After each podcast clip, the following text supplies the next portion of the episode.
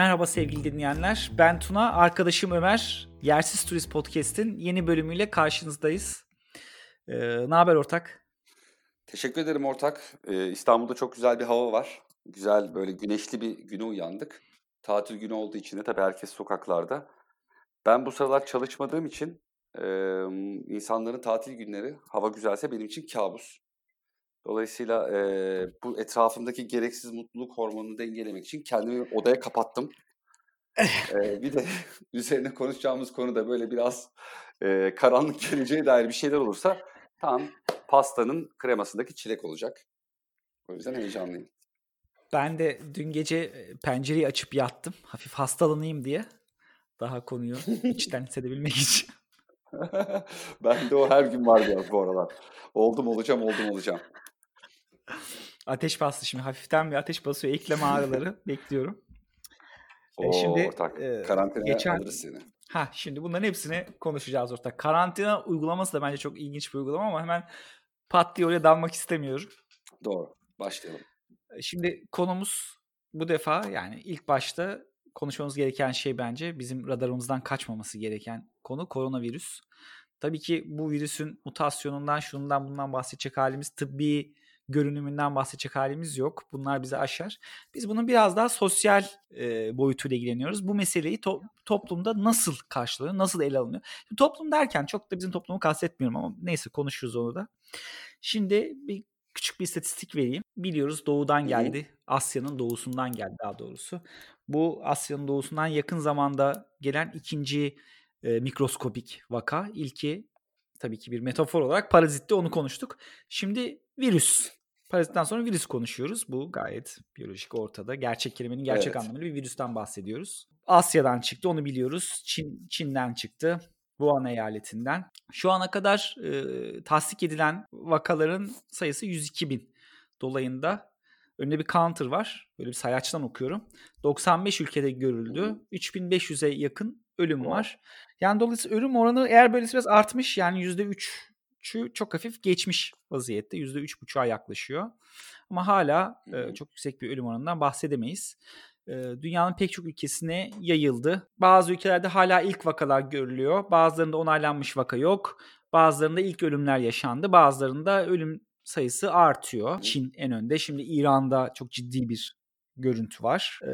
Kore, Güney Kore, Tayland. İtalya bayağı yukarıda. Işte İtalya, yani, Avrupa'da da İtalya. İtalya Japonya'yı geçmiş durumda. Japonya'da vakaların saklandı, bazı vakaların saklandığı falan da söyleniyor ama şimdi evet biz yavaş yavaş şimdi Amerika'da da ilk Washington eyaletinde görülmüştü. Kaliforniya'ya sıçradı. Epidemik halinde yani bir salgın olarak gelişiyor. Ölüm oranı hala çok yüksek sayılmaz. Bahar aylarının gelişiyle beraber de daha doğrusu bahardan yaza dönüşle beraber de Kuzey Yarımküre'de artık etkisini yitireceği bekleniyor. Şimdi yavaş yavaş e, laboratuvar çalışmaları falan filan da yapılıyor. Ne, ne düşünüyorsun ortak? Önce senin fikrini almak istiyorum bu konuda. Evet yani ortak çok sıcak bir başlık. Ee, yaklaşık 2-2,5 aydır hemen her gün bütün haber e, programlarının daha doğrusu ana haber kuşaklarının olmazsa olmazı mutlaka değinilen ve güncellemesi gelen işte vaka sayısı, ölüm sayısı, yayıldığı ülke sayısı vesaire çok ciddi bir konu.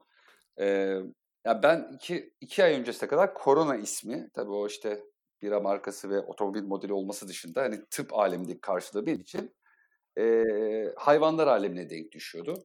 Biliyorsun bizim bir köpeğimiz var ve onun belli aralıklarla yapılan aşılarından biri de korona. Tabii işte iç parazit, dış parazit, korona aşısı. Hani koronanın da böyle bir virüs familyasına karşı yapılan bir aşı değildi. Hani aşının adını korona zannediyorum. Hani karma aşının adı korona olmuş falan gibi. Dolayısıyla ilk duyduğum zaman tamam dedim bu tıpkı muadilleri gibi. Yani işte SARS, MERS, ve bu COVID-19 bunlar solunum yoluyla geçen e, rahatsızlıklar, respiratory sendromlar hayvanlardan geçtiği düşünülüyor ve genelde de bunun yarasalar olduğu söyleniyor. İşte domuz gribi domuzdan geçtiği e, düşünülüyor. Ebola biraz farklı, tam kaynağı bulunamamakla birlikte daha çok maymunlardan insanlara geçtiği söyleniyor. E, ölüm oranı da söylediğin gibi düşük gözüküyor fakat e, ölüm oranı da bize tek başına bir şey söylemiyor. Ya buradaki baz rakam etkisi çok önemli. Eski virüslere bakıldığında tabii şimdi Ebola %70'lerde ölüm oranına sahip ama hani toplam vaka zaten 3500. Bunun işte 2000 küsürü öldüğü için oran yüksek ama hastalığın dünyadaki yayılma hızı yavaş. E, SARS yine Çin'de çıkan, Asya'da çıkan bir o dönem 2000'lerin başında. Tabii 2004 yılından beri hiç görülmemiş. O da hani vaka sayısı çok az 8 binlerde. Bunun %10'u civarı ölümle sonuçlanmış. MERS enteresan. Hani SARS South Asia, MERS Middle East, e, Suudi Arabistan'da hmm. çıkan bir virüs. Tabii orada da %35 aslında düşün her 3 kişiden biri ölmüş. 27 ülkede yayılmış özellikle Arap Yarımadası ve çevresinde. GCC ülkelerinde vesaire. E, fakat orada işte toplam 2500'de yaklaşık 1000'e yakın kişi ölmüş. Ölüm oranı olarak bakıldığında koronavirüsü çok daha düşük gibi gözüküyor ama yayılma hızı çok fazla yani vaka sayısı çok fazla. Zaten vaka sayısı arttığında otomatikman ölüm oranı düşüyor. Dolayısıyla aslında bize tek başına bir şey söylemiyor. Belki koronayı bu anlamda diğer muadilleri, bahsettiğim muadilleriyle değil de mesela normal bilindik griple kıyaslamak lazım. Yani domuzdan geçtiği işte swine flu veya işte bildiğimiz e, geleneksel grip diyelim. Aslında yılda 1 milyon kişi bir de kuş gribi var doğru kuştan geçtiği söyle. H1N1 miydi? Evet. O böyle her yıl biraz da mutasyon geçiriyor. Aslında her yıl 1 milyona yakın insan ölüyor bundan. Fakat vaka çok. Yani sadece Amerika'da baktığında 35 milyon insan geçtiğimiz yıl grip olmuş. Yani nüfusun %10'u. Ama ölüm oranı 20 binlerde. Dolayısıyla binde bir bile değil. Ee, şimdi mesela onunla kıyaslandığında aslında korona daha ciddi. Belki vaka olarak o kadar değil mi? %3 Tabii normal gribe göre ciddi bir oran ama tabii ki farklı şeylerin de hayatımızda olması yani işte sosyal medya etkisini arındırarak e, konuşmak pek mümkün değil. SARS'ta, MERS'te hani abartıldığı yönünde çok düşünce var. Ben de katılıyorum. Biraz belki fazla popüler bir virüs oldu ama işte sosyal medya etkisini arındıramayız. O zamanlar 2003'lerde, 2002'lerde karşımıza böyle işte karantina videoları, efendim hani böyle bir distopya filminden fırlamış hayalet şehir, metropol sokakları düşmüyordu. E bunlar da herhalde biraz daha popüler kıldı bu hastalığı.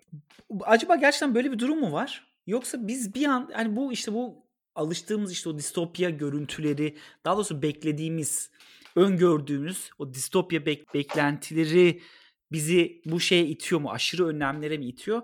Bence biraz bundan bahsedelim. Yani bu tepki nasıl nasıl tepkiler veriyoruz? Acaba krizin boyutuyla yaygınlık ve işte ölüm oranı gerçekliğiyle bizim daha doğrusu toplumların verdiği tepkiler birbirine uyumlu mu yoksa bunlardan bir tanesinde bir, bir şeyler ters mi gidiyor? Bence bundan özellikle bahsedelim. Gerçekten bir kriz ortamında mıyız?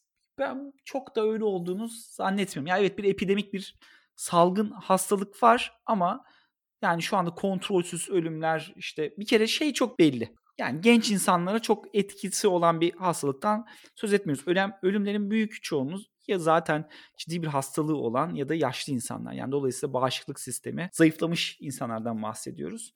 Bunun karşına koyduğumuz şey de şu an hastalıktan korumak için koyduğumuz şey de ellerimizi yıkamak. Sadece parmaklarımızı parmak arasında bileklere kadar yıkamak veya işte galiba şu Yapıyor anda artık bunları? Ya şimdi bu genel hijyen sorusu olduğu için buna çok doğru samimi bir cevap vermeyeceğim. O yüzden elbette yapıyorum diyeceğim. Tabii ki. yani, zaten normalde de yaptığım için her zaman ellerimi yıkadığım için. E, sağlık sigortası devam ediyorum. bizi dinliyor. Evet sağlık sigortası bizi Bu arada şey biliyorsun koronavirüs karşısında hastaneye giden Türkiye'deki ilk insanlardan biri de benim biliyorsun. Beraber tabii. Tabii oradaydım. Oradaydım. Gayrettepe evet. Florence Nightingale Hastanesi'nde.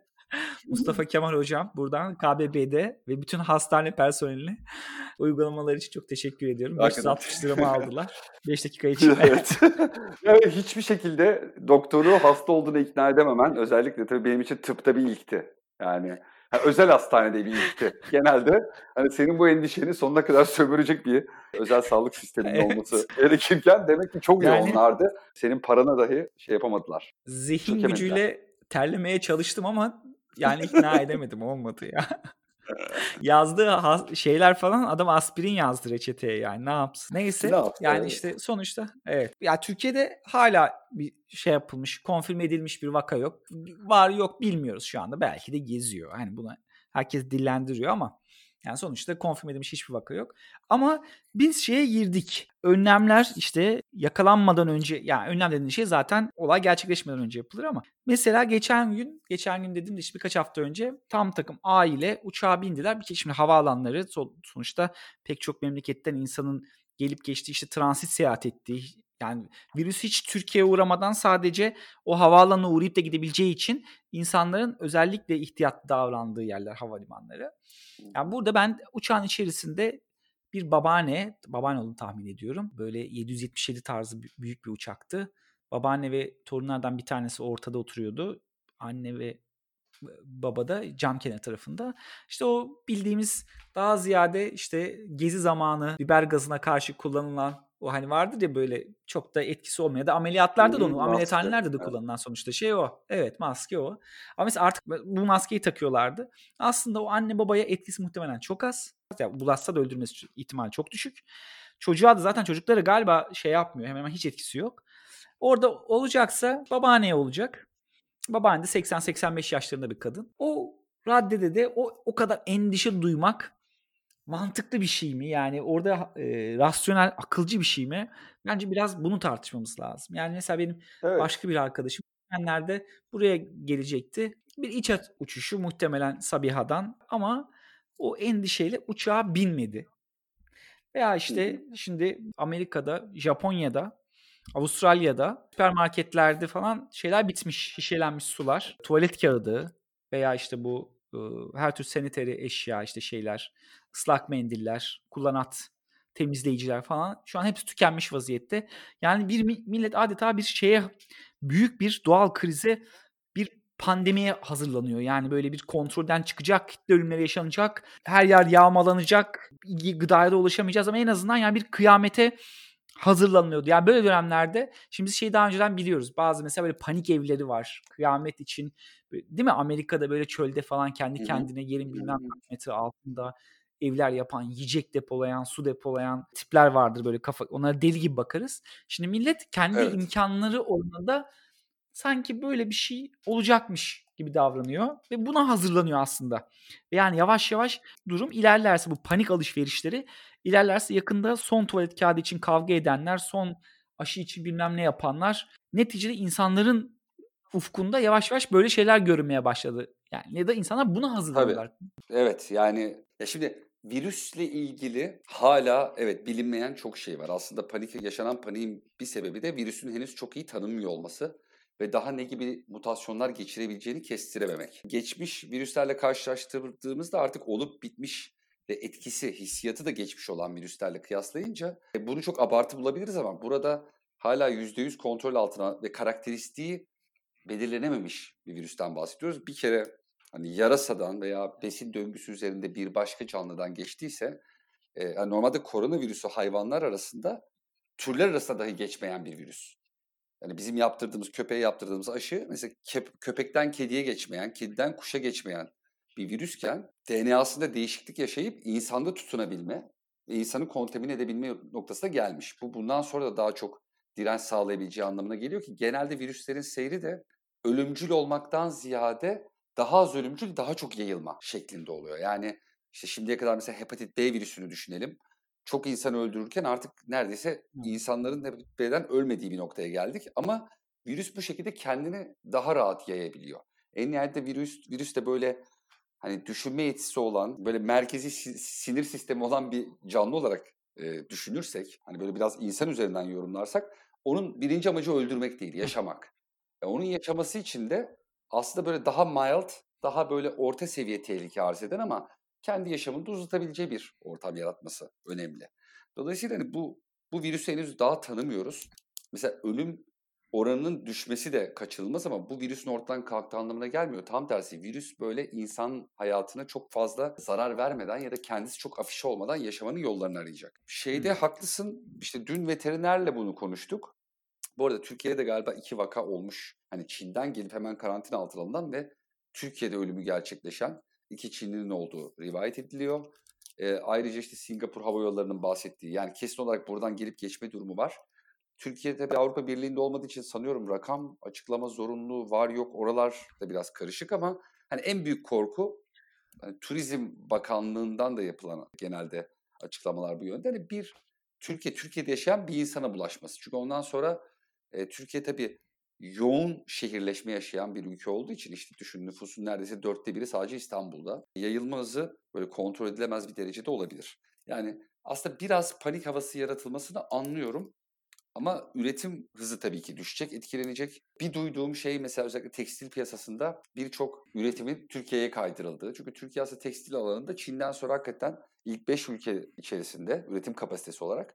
Ama tabii maliyet cazibesi açısından uzak doğuyu tercih ediyor büyük markalar. Bu dönemde çok fazla sipariş kaydırılmış. Üretim etkilenince ister istemez senin bahsettiğin o karanlık gelecek senaryoları çok olası. Talep enflasyonu diye bir şey var. Yani hani bir maliyet enflasyonu vardır. Maliyetlerin artmasından kaynaklanan fiyat artışları. Bir de talepten.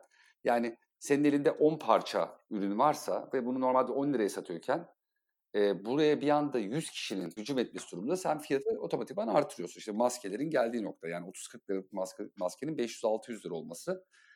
Burada belki de aslında az önce senin böyle bir değinip sonradan devam ettiğin distopya fetişizmine gelmek mümkün. Yani bu çok uzun zamandır işte bizim aslında sinemada da değil mi çok verimli bir sanat dalı yani film dalı. E, suç gibi hani suçla ilgili de ilk izlediğimiz genelde suç belgeselleri veya suç yapımları biraz daha böyle aydınlatma amaçlıyken sonradan suçun kendi içerisindeki cazip mekanizmasını biraz da böyle abartan ve sömüren yapımlar çoğalmaya başladı. Yani hep şöyle bir tartışma var ya ya bu bu yapımlar insan insanlığı aydınlatıyor mu yoksa suça mı teşvik ediyor diye bu distopya içinde geçerli. Yani o Philip K. Dick, James Ballard gibi romanlardan işte izlediğimiz Total Recall olsun, Blade Runner, işte Crash gibi filmlerin aslında bir yandan bu distopya merakını ve fetişizmini körüklediği yönünde de şeyler var, teoriler var. Belki de böyle bir felaket yaşama hissi işte o stoklama, stoklamayla beraber aslında kaçınılmaz olarak dediğin gibi sonunda e, artık arz eksikliği ve bir tür artık yağmaya kadar gidebilecek süreç bizden ne kadar yakında, uzakta bilmiyoruz ama dün senin söylediğine benzer bir şey işte bizim veteriner söyledi. E, biraz da tıp, insan bilimi diyelim hani tıp tarafında da tanıdıkları vasıtasıyla çok fazla ilaç stoklama varmış. Özellikle kronik rahatsızlık olanlar hani rapora istinaden belli aralıklarla alabiliyorlar ya ilaçlarını. Mesela aylık olarak alabiliyorlar. Onu böyle evet. işte 12 aylık stoklama yönünde çok ciddi bir talep fazlası varmış. Evet yani bu panik havasını bir şekilde dağıt, dağıtmak e, nasıl mümkün olacak bilmiyorum ama bir distopya fetişizmi hakikaten artık şey çok göze görülür biçimde var. Şimdi bu meseleyi sen Crime'da dedin ya bu suç filmlerinde suç filmlerinin başarılı yönetmeni, efsane yönetmeni Scorsese'nin şeyi var. Mesela adamın ele aldığı konulara artık o kadar yaklaşıyor ki, o kadar çok çekmiş ki onları, o kadar seviyor ki o hikayeleri. Yani mesela o adamları artık suçlu olarak görmüyor bir yandan o anlattığı İtalyan hikayeleri falan vardır ya. Şimdi suç ailelerini aslında öyle suçlu bilmem ne kötü insanlar şunlar bunlar gibi görmüyor. Belki bunlarda da vardı. Biz o kadar çok bu şeyi izliyoruz veya o kadar cazip o yok olma fikri de bir yandan o kadar insan için albenili bir şey ki bir yandan aslında evet bir yandan ondan kaçınmaya çalışıyoruz ama bir yandan da onunla bir şeyimiz de var. Gizli ona karşı gizli bir arzumuz da oluşuyor muhtemelen ve bu anlamda da biz çok da verimli bir nasıl diyelim janr diyelim. Aslında ben mesela birazdan ayrı şey yaparız da apokalips yani bu kıyamet filmleriyle post apokaliptik yani kıyamet sonrası filmleri ve edebiyatının böyle birbirinden biraz farklı olduğunu düşünüyorum. Yani bu apokalipsler Kesin. mesela şey vardır. Şimdi zombi mesela en popüler konulardan biri zombiler değil mi? Mesela şey vardır. Saramago'nun Körlük diye bir kitabı vardır. Filmi de var. Şey oynuyor çocuk neydi o neyse. Mesela orada da bir şey anlatır. Bir top körlük bir anda bir salgın şeklinde körleşme yayılıyor. Herkes kör oluyor işte ve orada Sessiz yeni artık yeni bir iktidar kuruluyor. Evet yani orada yeni bir iktidar kuruluyor. O kör toplum içerisinde artık şey kalktığı için toplumsal normlarla oluşan işte yasalar, kanun, hukuk falan filan kalkınca orada artık içgüdüler öne çıkıyor. İşte yok yok edici, kö- kötücüllük, diktatörlük, tahakküm falan filan gibi veya bu şeylerde de öyle hep zombilerde de işte evet. küçük Ha evet, evet veya işte böyle zombi zombilerle karşılaştığında da insanların verdiği tepkiler survive etme tepkileri birbirinden hani çok şey olabiliyor. Farklı olabiliyor. Bazıları işte o ailesini kurtarmaya çalışır falan filan değil mi? Bazıları da hayatta kalmak için diğer rakiplerini yok etmeye şey yapar ama şimdi ben ilk başta burada gireriz ama şeyden almak istiyorum. Yani bizim bu panik e, hissimiz mesela sağlıklı bir şey mi? Yani bu şey karşısında yaşadığımız krizler, doğal afet, doğal afet demeyelim daha doğrusu da işte bir şu anda iklim krizinden bahsediyoruz. Ekolojinin bizim için ekolojinin tahrip olması demek yaşamın son bulması, bizim varlık koşullarımızın ortadan kalkması demek. Ha, bu tip şeylerden, bu tip kendi dışımızda cereyan eden ve aslında bizim çok da etkili olamayacağımız. Şimdi korona böyle bir şey değil ama eğer devam ederse, eğer bu virüs mutasyonu devam ederse nihayetinde yani tuvalet kağıdı stoklamayı anlamlı kılacak noktaya geldiğinde hakikaten aslında iş işten geçmiş olacak. Ama mesela şimdi buna bu şeyde ben bir biraz açmak istiyorum şeyden alarak. Podcast'te JJ'yi dahil edeceğim ve dolayısıyla biraz Lacan'cı psikanalizi dahil edeceğim. Şimdi kullanacağım şeyler çok önemli değil aslında. Birebir terminoloji çok fazla önemli değil ama şimdi önce endişeden bahsetmek istiyorum. Yani bir endişeye dair. Şeyin güzel bir kitabıdır JJ'in. Yamuk Bakmak. Looking Over orijinalde da Metis'ten çıkmış. Yani popüler kitaplarından biridir aslında yani nispeten evet, evet. okunabilir. Ha, şimdi burada endişeden bahsediyor. Endişe arzunun nesne nedeni eksik olduğunda ortaya çıkmaz. Endişeyi doğuran şey nesnenin eksikliği değil, nesneye fazla yaklaşmamız ve böylece eksiğin kendisini kaybetmemiz tehlikesidir. Endişe arzunun ortadan kalkmasıyla oluşur. Şimdi burada e, endişeye dair önemli olan şeylerden bir tanesi, daha doğrusu en önemli terim burada şey yapılan arzu. Arzunun ortadan kalkmasından bahsediyor. Yani hani burada bu şeye karşı verdiğimiz tepki. Olmaz. Evet yani arzu'nun neticede hani libidinal enerjiyi anlamlı kılan yani hayatı evet. anlamlı kılan şey arzu. Her zaman bir arzu nesnesi bulmak zorundayız biz hayat hayatta evet. var olabilmek için sonuçta. Yani burada büyük krizlerde işte bir apokalipslerde daha doğrusu yani kıyamet denilen şey zaten yaşamın sonlanması anlamına geliyor.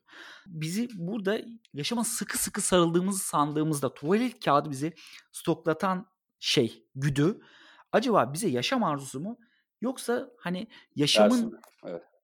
e, tam tersi mi? Yoksa burada bir artık hastalıklı bir takıntıya mı dönüşüyoruz? Ve burada da mesela çok benim sevdiğim bir şey vermek istiyorum. Örneği vermek istiyorum. Lars von Trier'in Melankolyası ortak. Hani üzerine ikimizin karşılıklı bir galiba bir diyaloğu yok. Sever misin? Çok severim. Hatta yani senle aslında o dönem konuştuğumuzda bir tane Türkiye'de de bir klip yapılmıştı. Ee, onunla ilgili garip. Bayağı hani bayağı tuhaf bir klipti melankoliye gönderme yapan ama hiç ne adını ne sanını hatırlıyorum. Sadece kadın elbisesi giymiş bir adam hatırlıyorum. Bir crossdresser biri. Melankoliye ile ilgili hatırlıyor musun o klibi? Yok hiç hatırlamıyorum. Ben sana onu yayından sonra bulur gönderirim. Evet çok şey hani Fontrier'in çok etkilendiğim bir filmi. Onunla ilgili de Şimdi orada konuşmuştuk evet. Sen başla bakalım ben de hatırlarım biraz. Şeye, heh, tamam şimdi orada bir göktaşı e, hesaplıyor bilim insanları astrofizikçiler şunlar bunlar ve dünyaya çarpacağın çarpıca, çarpma yörüngesine rotasına girdiğini fark ediyorlar. Önce diyorlar Aa, yok tamam çarpmayacak falan. Tabii bunlar şimdi biraz spoiler de içerecek. Şey yapanlar kapatabilir filmi izlemeyenler çok merak ederler. ve şu an şu dakikada yollarımızı ayırabiliriz. E bir 5 dakika sonra bekliyoruz. 5 dakika bitirmiş evet, sonra, evet yani sigortacılık şeyine sigorta evet. bölümümüzde tekrar buluşabiliriz Orada onlarla. bir şey söyleyeceğim. Orada orada oradaki met meteoru Evet. Evet. Oradaki göktaşını şeyler mesela e, Eric Northman diyorum. E, Alexander Skarsgård. Onlar görmüyor da Kirsten Dunst mı görüyordu en başta? O mu hissediyordu? Ve o yüzden insanların mutluluğuna ya, anlam veremiyor muydu? O evet orada onun yani niye hissediyor? Orada birkaç tane böyle küçük bir şey var. Bir, bir loteri gibi bir şey oluyor. Bir numara çekilecek. O biliyor onun ne çekileceğini falan. Orada dansta orada bir şeyler geliyor. Bir haller oluyor zaten. Orada bir Hı-hı. bir bilinç geliyor kadına. Öyle bir evet. yüksek bilince ulaşıyor. Bize onu hani böyle bir büyümüş, ortada bir sihirli bir şeyler oluyormuş gibi hissetmiyoruz ama bir garip bir şeyler oluyor kadına. O dönüşümü zaten izliyoruz o karakterin. Şimdi orada Dunstan ve Kristen Dunstan ve Charlotte Gainsbourg'un temsil ettiği iki farklı duruş var. Bir tanesi şey kabulleniyor. Şimdi göktaşı dünyaya çarpacak. Bunu artık anlıyoruz. Bunlar bu arada bir düğün bir evlilik seremonisi için bir şatodalar. Şey kim evleniyordu ya? Ha, uf filmi de yani. Doğru Alexander Skarsgård da işte. Ha evet Skarsgård aynen. Işte, şey, şey. Kiefer Sutherland Charlotte tamam, Gainsbourg'un tamam. kocasıydı galiba.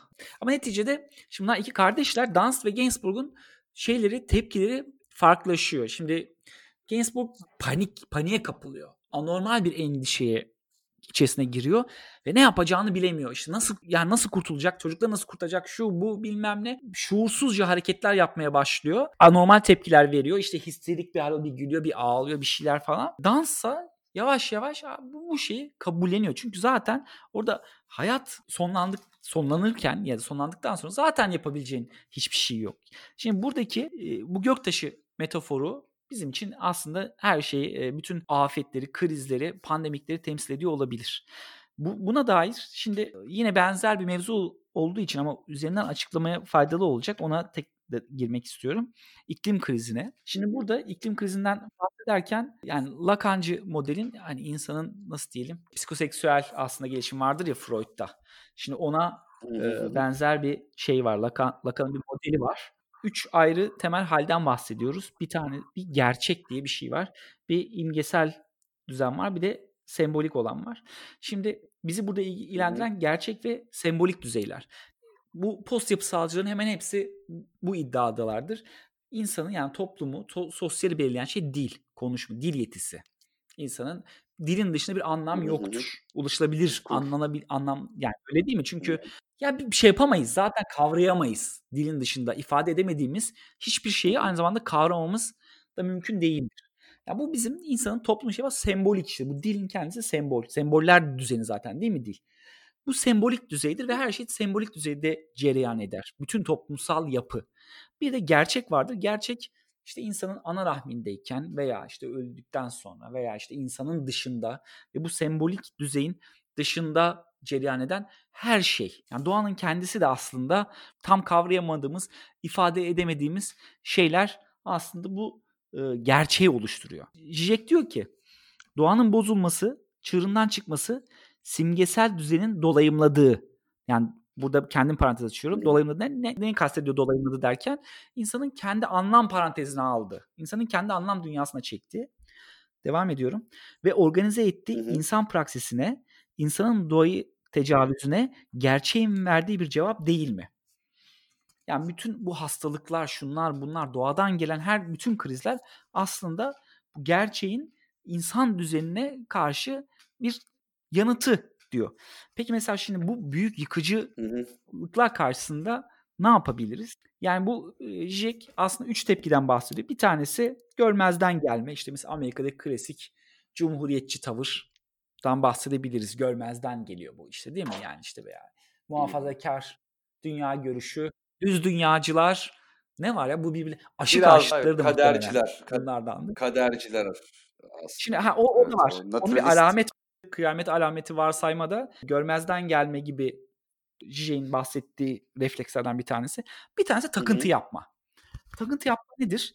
Parası neyse verip N95 model maske alma. Mesela şu anki bağlamda konuşuyorum iç at uçuşu yapmama, sokağa çıkmama. Bunlar evet, tokalaşmama vesaire. Bunlarla diyor evet. tokalaşma falan. Belki yani bazı küçük anlam şeyler el yıkama tokalaşma belki anlamlıdır da yani tramvay işe gidip maskeyi taksan ne olur takmasan ne olur veya işte kendini eve kapatma belki evet. daha da böyle obsesif şey yapma. Peki diyor buna karşı ne yapabilir, yapabiliriz? Cicek şeyden bahsediyor küresel kriz, iklim krizinden bahsediyor ama biz yine kendi bağlamımızda da bunu kullanabiliriz. Diyor ki tek Biz ona direkt tavır. şey diyelim. Yani direkt post apokaliptik bir durumdan söz ediyoruz değil mi? Yani bu veya evet, meteor yani evet. Bir pandemik yayılmış işte bu korona uğradıkça uğruyor mutasyona.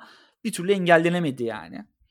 Şimdi az önce endişeden bahsederken bir şey, fazla yaklaşmaktan bahsetmiştik ya. Yani yaşamla kendini bütünleştirme. O takıntıdan bahsetmiştik ya fazla yakınlaşma. Yani aradaki mesafeyi kaybetmekten bahsetmiştik.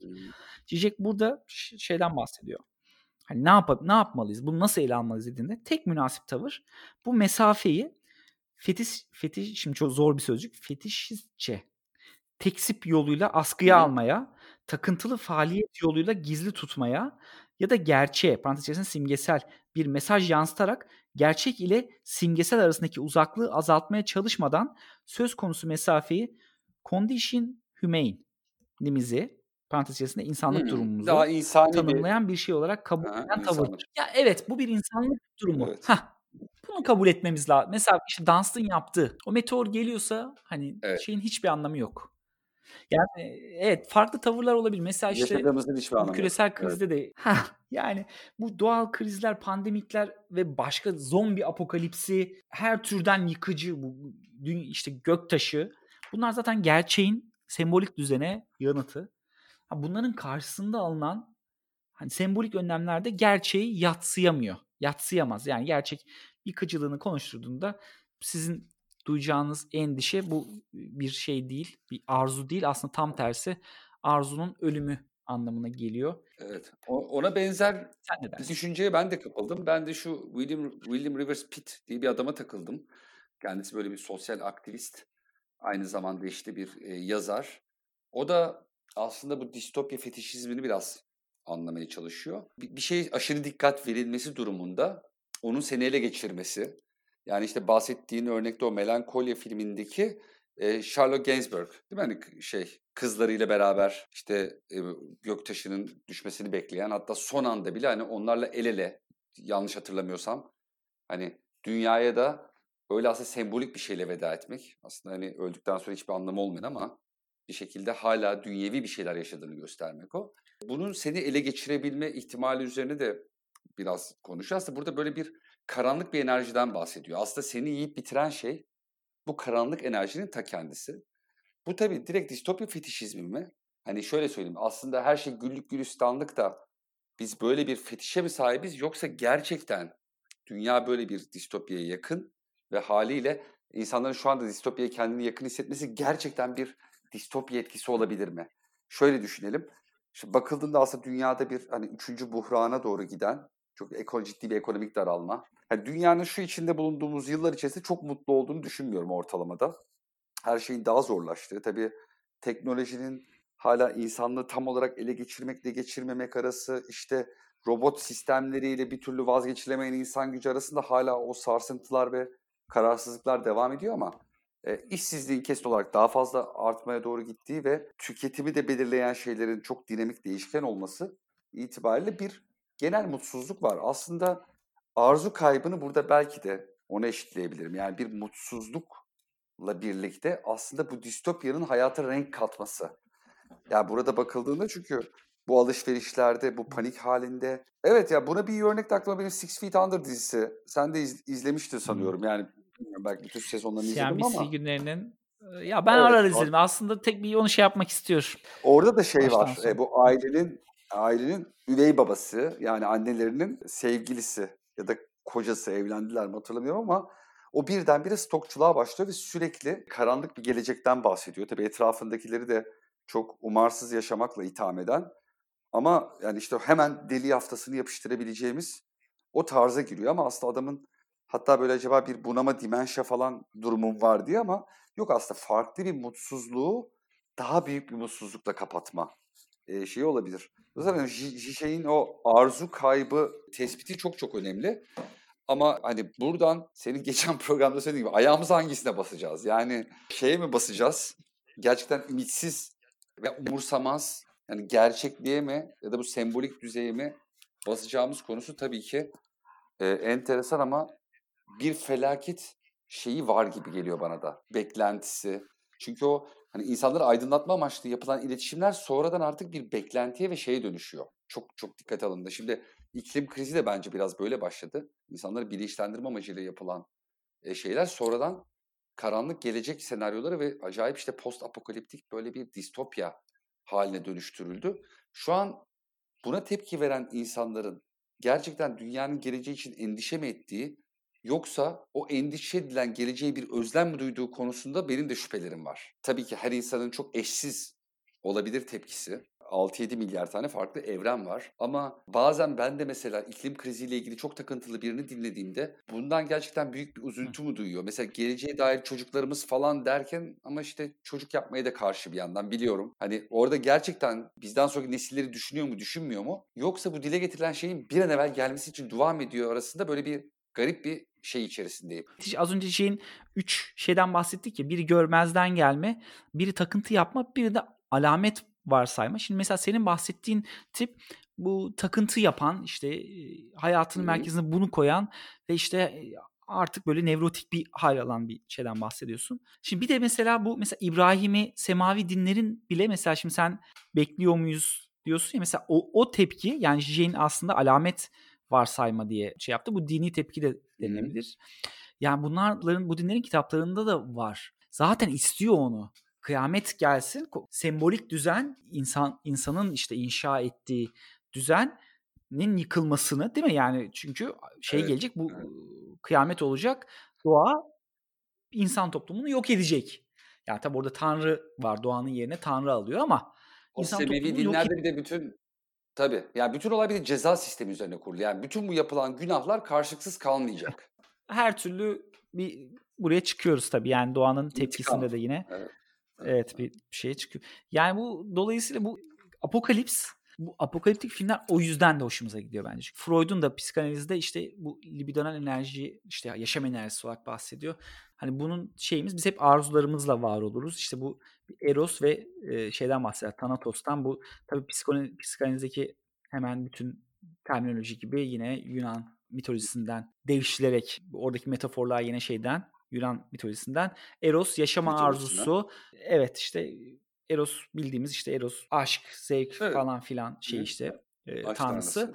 Bir de Thanatos var. Evet yani bir yandan da bu hayat bu ikisi arasındaki mücadele. Bazen de Thanatos kazanıyor. İşte yok yok ölüm, yok olma, yok etme. İşte o daha karamsar yü- yü- yüzü meselenin ama o da her zaman var. Toplumda savaşın kendisi de öyle bir şey. Savaşın kendisi sonuçta bir sağlıksız bir durum. Tıpkı aşırı panik yapmak gibi ya da yok oluşu olumlayan, kabul eden bir şey. İşte Eros'un görev başında olduğundan bahsedemeyiz. Vietnam filmlerinde bize hep aslında o da bir şeydir değil mi? Kıyamet ortamını bize şey yapar. Çünkü zombiler gibi Amerikan vizyonunda zombiler gibi yerin altından işte ya da işte zebaniler gibi yerin altından fırlayıp oradaki işte Midwestli oğlan, oğlancağızı kapan bir şeyler var ortada falan. Evet, evet. Yani bu ha değil mi? Yani burada bir ve biz bunu izlerken zevk alırız. Ya işte aynı şekilde o zombiler Tabii, tabii. dünya bitmiş bizim üç kişi dağ başında yaşasın diye biz onların adına seviniyoruz yani. Oysa bitmiş her Tabii, şey tabii. yani. Aynen öyle. Evet ama bizim işte bu evet. Bu şeyleri bu kura, bu e, toplumsal veya bireysel işte hani geliştirilen e, kuramların hani en sonunda da böyle genelde durduğu noktanın veya tavsiyesinin hani tüm bu uçların ortasında bir yerde konumlanmanın daha sağlıklı olacağını salık vermesi çok hoşuma gider. Yani şey niyetli, hani, yani neydi ya? takıntı da yapma. çoğu zarar neydi, neyi karardı ya? O- Azı karar çoğu zarar. Yani hep şey ya da böyle işte masalsız masalsız kalma masala inanma gibi. Hep böyle atalarımızın yani güzel hani hobi olarak kork tabii. Hani bunu böyle bir takıntı halini de getir ama çok da takıntı yapma. Bir yandan da şey hani biraz alamet olarak gör. Biraz da işte efendime söyleyeyim gerçekçi. Yok say biraz da yoksa bugünkü hayatına devam edemezsin gibi. E şey tabii aslında melankoli filmi dediğinde ismi de bunun çok manidar. Mesela böyle sosyal bilimlerin özellikle psikanalizin çok üzerinde durduğu böyle bir şey de vardır. Yani melankoli versus mourning yani yas ve melankoli farkı. Tabii birisi daha dönemsel, hani yas belli bir şeyin hemen ardından gelen, dolayısıyla geçici olduğu varsayılan, melankoli ise daha uzun vadeye yayılan ve aslında devamlı bir ruh hali. İşte Melankoli filmi de öyle. Orada gerçekten bir Kirsten Dunst'ın melankolisini de izliyoruz. Devamlı bir şey var orada. Aslında bir olaya bağlı bir şey değil ama o dünyanın sonuna kafayı takan ve buna göre artık yaşanan her şeyin çok anlamsız olduğunu düşünen. Bu şeyde de yani bütün bu kuramların en sonunda durduğu yerde hani ne o ne o çünkü hakikaten takıntı yapanların da zamanla bir böyle kalt bir tarikat haline gelmesi değil mi? Şu an hani iklim krizinin karşısında da zaman zaman böyle tarikatlaşma noktasına gelen çok şahin bazı örgütler olabiliyor. Her ne kadar böyle sen ortada kalan ve evet yani iklim krizinin yaşanmaması için elimizden gelen insan olarak yapalım ama hani her dakikamızda bununla harcamayalım diyen insana göre çok şahin bir noktada kalan. Bir de öbür tarafta bunu yok sayan yani yok saymak derken sadece inanmamak veya ilgilenmemek şeklinde değil. Neredeyse olmadığı yönünde bir takım istatistikler uyduran, efendime söyleyeyim işte şu anda işte bu yılın en sıcak hani işte son 35 yılın en sıcak diyelim kışını yaşadık. Efendim 35 yılda bir zaten döngü. Dünyanın içerisinde hep böyle enerjinin korunduğuna, bir şekilde bu tip dalgalanmaların belli periyotlarla olduğuna inanan, artık hani var mı ötesi kıyamet diyebileceğimiz işte kuyruklu yıldız çarpmasını bile belli bir periyoda oturtmuş. Dolayısıyla hep yok saymak için de doneler üreten ve biraz da işte şey dediğim gibi alametçilik, hani kadercilik bir şekilde yolunu bulur. Bunlar çünkü şey diyen de var şimdi bu virüse karşı.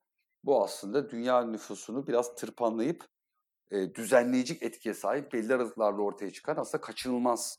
Yani bu kadar embrace eden de var. 5 5 Kucaklayan defa mı olmuştu ya da yani. 5.yi mi bekliyorduk? Şimdi Evet, bu bir evet. sonraki Yani kıyamet bir, işte e, şeylerin sonu olacak. Memeli memeli iktidarının dünyadaki hükümdarlığının yani çünkü çeşitli yaşandı işte bakteriler zaman bilmem ne dinozorlar şunlar bunlar. Şimdi biz bir sonraki de e, memeli Farelerin, farelerin memelilerin zaferi kıyameti olacak olacak diye. Şey gibi. evet farelerin hamam böcektir. Otos, ya şeyde, şimdi bu melankoliye dair ya bu sen senin de sevdiğini biliyorum şeyin ya melankoli film değil bu arada. Melankoli hissinin niye sağlıklı bir şey olduğunu. Evet. Yani bize bu Alain de Botton'un da hani senin de sevdiğini biliyorum. Bir dönem en azından o popüler döneminde falan çok böyle çok popüler, cazipti. Ya evet felsefeyi popüler hale getirmek güzel bir çabaydı. Ya modern toplumlar bize şeyi dayatıyor. Bir ma- manik hal dayatıyor. Sürekli mutlu olmalısınız, mutluluğun peşinde koşmalısınız. Ya eğlenmelisin, bu ne için yaşıyorsun tatil yap şu bu falan filan. İşte ama hayır Bağdoş'un aslında trajik bir yapısı var. Günlük yaşamın da öyle. Sürekli bize modern hayat, modern toplum bunu yatsımaya davet ediyor. Sürekli yaşamla kendini birleştirmeye. Yani o her şeye sahip olmalısın. Her şey senin hakkın. Her şey öyle. Her şey bilmem ne. İşte bu panik alışverişine, tuvalet kağıdı şeyine, Japonya'daki kıtlığına sebep olan şey. Ama melankoli bunun karşısında sağlıklı bir his. Yani biraz da o mesafeyi yeniden açıp yaşamla kendi arandaki mesafeyi yeniden açıp yani ona e, belli bir şeyden bakma. Yani sen ona sahip değilsin aslında. Yani sen olunca senden önce de var, Biz sonra ona... da var. Senin hayatında yani süper olmak zorunda değil. Yani bu ente, evet, zaten yani. entelektüel çabanın, faaliyetin, düşüncenin kaynağı bu. Bu mesafe ve bu karamsarlık. Yani bu olmazsa yani kendi barındırabileceği anlamları da varoluşun daha doğrusu ıskalamış oluyoruz yani. Iskalamış oluyoruz. Evet evet.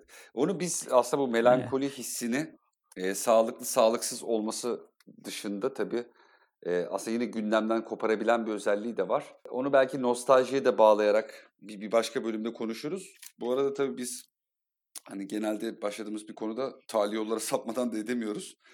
E, bu korona bira satışı ile ilgili ortak biliyorsun bir haber bu hani çok ciddi etkilendi işte %38 oranında düştü falan. Şimdi tabii bu aslında markanın tamamen bir isim talihsizliği. Bu 2000'li yılların başlarında yine İsrail ile yaşamış olduğumuz diplomatik krizlerden birinde o zamanki tabii ki kontağımız Başbakan Ariel Sharon olduğu için e, bu PNG'de çalışan birinden duymuştum. Ariel bu çamaşır deterjanlarının satışlarında acayip bir düşüş yaşanmış. Yani çünkü Hani Ariel Sharon hatırlatması. Bu arada onun böyle onun ışık, ışığın şeklinde logosunda da hakikaten böyle bir Mossad havası da var yani. Dolayısıyla direkt hani işte İsrail lobisine falan yoğru şey yapıp yontulup bayağı bir düşmüş. Tabii şey bir örnek daha hani toplumsal refleks örneği. Ya bu isim için de geçerli. Ya bazen senin isminde biri Türkiye gündemine oturup aylarca böyle nefret objesi olabilir. Sen ve bir, bir süre adını kullanmaktan utanır. Bilmiyorum başına geldi mi ortak senin? Tuna Kiremitçi falan zora soktu mu seni bilmiyorum. Yok sokmadı. ya. ya Ajdar, hani Ajdar isimde biri varsa mesela yani yıllarca herhalde ismini söylemekte utanmıştır. Yani korona bira satışında bir tane adam işte sözde bir araştırma şirketi onun üzerine böyle bir bilgi paylaşmış. Tabii koronanın CEO'sunun yaptığı açıklama ve e, o PR bülteninin de böyle bir şaheser olduğu söyleniyor. Çünkü hani bütün PR doğrularını gerçekleştirip işte önce girişte e, koronadan hayatını kaybeden vatandaşlarımıza Allah'tan rahmet hani işte efendime söyleyeyim yakınlarına mücadele yakınlarına başsağlığıyla başlayıp sonrasında hani yanlış bir bilginin dezenformasyonun ne kadar hızlı yayılabildiği ve nasıl zarar verebildiğine ilişkin bir açıklama ve sonra da aslında satışların etkilenmediği. Burada çünkü aslında bir bölümde bahsettiğimiz ortalama Amerikan insanını aşağılamak üzere tasarlanmış bir şey aslında. Yani işte hemen yaftalayıp çünkü o, onu yapan araştırmacı bir de şöyle bir laf laf ediyor. Hani bu %38'i toplumun %38'inin dışarıda gezmesini yasaklamak lazım falan gibi aslında toplumu aşağılamak için bir araca dönüştürüyor. En nihayette böyle bir azalma olmamış. Ben de açıkçası marka adına sevindim çünkü korona o 1 bölü 8 lime dilimini böyle şişe ağzına sıkıştırıp hatta onu böyle bir tam bir tur baş aşağı ettiğinde bütün lime'ın içinde yayılmasıyla muhteşem yaz aylarının özellikle evet. vazgeçilmez bir bira. Ben kendime geçmiş o nokta olsun şey nokta. Onu, oradan, buradan iletiyorum. o noktayı o yani koronayı o lime'ı oraya tıkadıktan sonra geri dönüş yok ortak. Kaldı. Onu alamazsın geri. O boğazı geçtikten sonra o lime. Bizim bir arkadaş şey yapıp inat edip al, al, alıyordu yani. Alıyor Evet, evet. Ya bu arada Yani uğraşıp Asya'da sen gezin ülkelerde şey yaptılar mı? Mesela limon yok her şeye lime koyuyorlar. Yeşil limon da değil lime evet. koyuyorlardı yani. O Yani normal yemeğin yanına lime geliyor. Burada lime bizde lime. tanesi dünya para. Yani sarı limon orada evet çok görmedim. Ee, bir de tabii her ülkenin Yok. şeyi de biraz e, meyvesi de biraz farklı olabiliyor. Mesela hani domates türü falan özellikle mesela Balkanlardaki domates türü kesinlikle bizim bildiğimizden farklı. Bence daha lezzetsiz ama hani onlar seviyor Hmm. olabilir.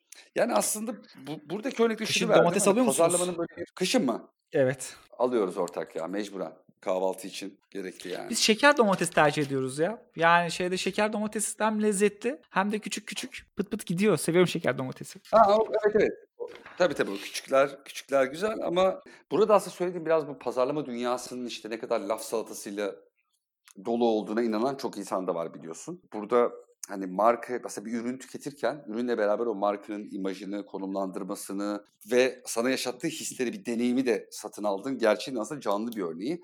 Ben bu arada hani sırf bu yüzden korona içmeyen insanı da eleştirmem. Çünkü e, o kadar aptal olduğunu düşünmüyorum. Yani kapalı bir bira şişesinden, basınçla kapatılmış bir bira şişesinden geçeceğini düşünmek değil ama hani o mutluluk anını o etrafında kol gezen virüse adını veren bir birayla paylaşmak istemiyor olabilir.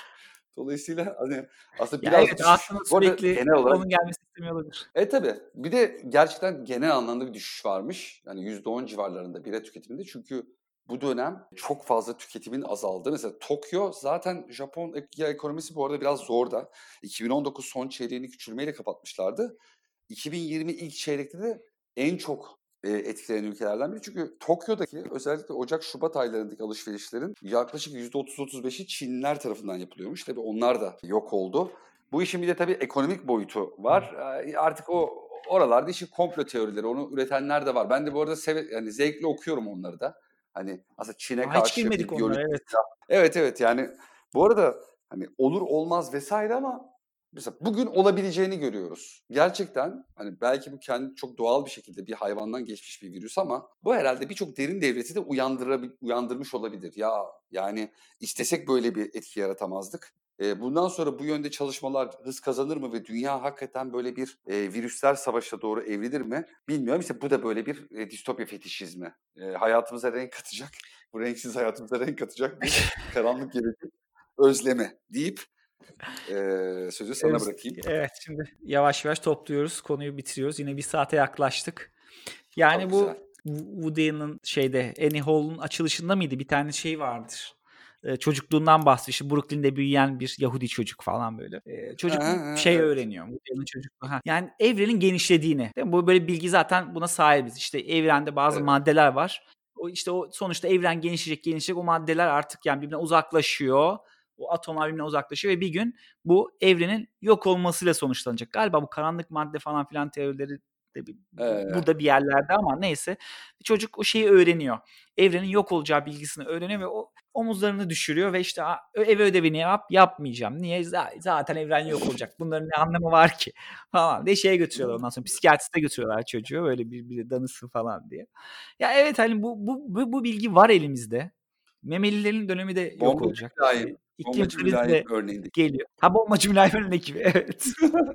Ama yani çok fazla bir anlamda ifade etmiyor bir anlamda. Bunun bilincil, evet bunun bilincinde tabii ki olabiliriz ve olmalıyız da. Bunu da bilmeliyiz yani. Bir cehaleti savunuyor gibi bir durumumuz yok. Ak, aksine tam tersi. Bu meselelerin, bu tip böyle büyük felaketlerin veya işte kapıdaki felaketlerin farkında olabiliriz ama bunları takıntı haline getirdiğimizde de yani aslında şeyden çıkıyoruz. Sağlıklı alanı terk etmiş oluyoruz Evet. diyerek Evet. e, ben söyleyeceklerimi toparladım. Senin var mı bu konu söyleyeceğin başka bir şey? Yok ortak. Yani aklıma bir iki şey geldi ama çok uzayacak. O yüzden biz artık şeyin selamet açısından programı kapatalım. Enteresan bir konu oldu. Biraz uzayacağını tahmin ediyordum ama bu kadar e, etrafında. Hem de bu arada çok az tali yola saparak yani sadece bu hani korona bira markası dışında çok da aslında konu dışına çıkmadık. Çıkmadık Dolayısıyla evet. e, demek ki yine lafımızın çok olduğu bir konuymuş. Sıcak da bir gündemdi. Bunu ıskalamamış da olduk. E, yıllar sonra belki bir sonraki virüste karşılamak için insanlar bu programa e, dönüp e, bunu dinleyecekler. Yani ya? Evet nasıl? Keşke, keşke Ebola, SARS zamanında yapsaymışız. Aslında teknoloji vardı ama e, neyse artık. Bu, bu bir kıyas Ya aracı olabilir. Ebola Ebola ama insanlar patlıyor falan mı? Ya Ebola'nın çok hızlı bir şey vardı değil mi? Böyle etkisi Çok. Kara Afrika'yı vurmuştu %80 o baştan falan evet. Bir de şey tabii o böyle solunum yoluyla değil de daha çok temas, işte su, içme suyu, e, sıvılar üzerinden geçmesi falan tabii çok daha acayip bir şey. Ya enteresan işte bu virüs de böyle hani az adette ama çok yüksek öldürme oranlı olunca çok esamesi okunmuyor veya grip gibi düşük aşırı düşük bu defa yani vaka sayısı çok yüksek olduğu zaman o da sayılmıyor. Mesela grip için her yıl böyle duyuyor muyuz bu kadar önlemler, böyle bir çılgınlık, efendim stoklama ihtiyacı? Aslında bir milyon kişi ölüyor baktığında. Ciddiye dahi alınmıyor. O insanlığın bir gerçeği gibi. Yani grip işte nezle grip olursun, birkaç yılda bir olursun. Bu böyle tam ortada Ya bir yerde evet. olduğu için bence biraz ondan da ezberi bozdu. Ama muhtemelen yaza doğru. Tabii daha bu arada biz istesek de istemesek de bu konu gündemi çok daha meşgul de edebilir. Biz belki birkaç ay sonra hani bunun ikinci versiyonunu yapmak durumunda kalabiliriz. Yani Tokyo Olimpiyatları var şimdi. Hani her ne pahasına olursa olsun olimpiyatları orada yaparlar ama hani düşün bir de yapamama ihtimalini. Mesela Berlin'deki dünyanın en büyük turizm fuarının iptal olması çok ciddi bir olay. ITB dedikleri yani bütün dünyanın aktığı ve hala böyle verimli sayılabilecek fuarlardan biri. Artık birçoğu sembolik hale gelmiş ve insanlar internetin gelişmesiyle beraber online pazarlamanın da gelişmesiyle beraber o fuar şeyini kaybetti bilincini. Hani bu geleneği hala böyle dolu dizgin sürdüren Berlin'deki fuarın iptali bence çok ciddi bir olay. Bir iki ay sonra çok daha acayip şeyler de görebiliriz. Belki o zaman çok talep gelirse dinleyicilerimizden e, tabii, tabii iletebilecekleri şu an bir merci ya da bir belki bir e-mail adresi almakta fayda olabilir ortak. Ya dur. En azından dinleyenler Evet. bize boş bir e-mail atsın. Kaç kişi olduğunu bilelim. Yani hatta şeyi e, programdan sonra ben bir alayım. Yersizturist.gmail.com acaba boş mu? Boşsa Ee, ama alalım. önce mutlaka önce al sonra yükle. Duyanlar hemen alabilir. Özellikle Dinço gibi Tamam. oyun bozan adamlar Şimdi- hemen alabilir. Ee, yavaş yavaş şeye geçelim. Sigorta bölümümüze geçelim.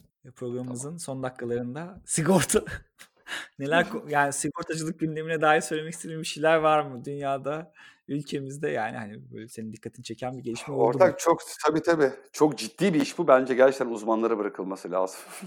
Sigorta özellikle şeyle olanı. Sigorta Ee, konusunda. Onu bir uzman. Şimdi sağlık sigortası mesela bir şeyi kapsayacak mı? Yani bu korona neler olacak? Yani şöyle Allah korusun, e, çok şu an kapsar. Şu an kapsar ama bir kere yakalayıp yenmen durumunda veya yenmemen durumunda bir daha kapsamaz. Sağlık sigortasının bütün işleme şekli bu. Hani sana bir kere bir şey yakalanma hakkını veriyor ama nüksetme hakkını vermiyor.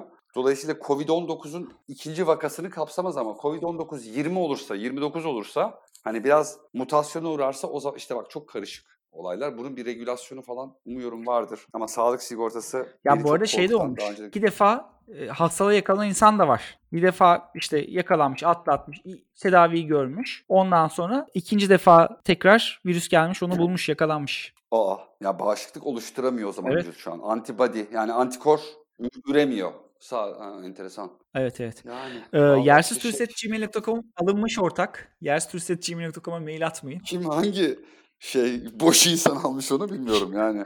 O kadar Ya evet ya, herhalde bu kadar umuyorum Kelime oyunu falan bu kadar zorlama. şey nasıl? Bak o, o boş. Yersizturistpodcast.gmail.com Evet o iyi. O yersiz turiste Başka bir kesin şey biz, buldum. bizi bire 10 bin liraya falan teklif edecek. Hiç, hiç ilgilenme ortak. Sen başka bir şey al oradan Evet. gidelim. İlgilenmiyorum. Bize ulaşmak isterseniz yersizturistpodcast.gmail.com Buradan bize ulaşabilirsiniz. Tamam süper. Kapatıyoruz bir ortak. Söylemek oraya. başka bir şey var mı? Hadi görüşmek üzere. Canın Tamam. sağlığı. Görüşmek üzere. Herkese iyi bir hafta diliyorum. Teşekkürler. Görüşmek üzere. Bay bay. Bir hafta ben.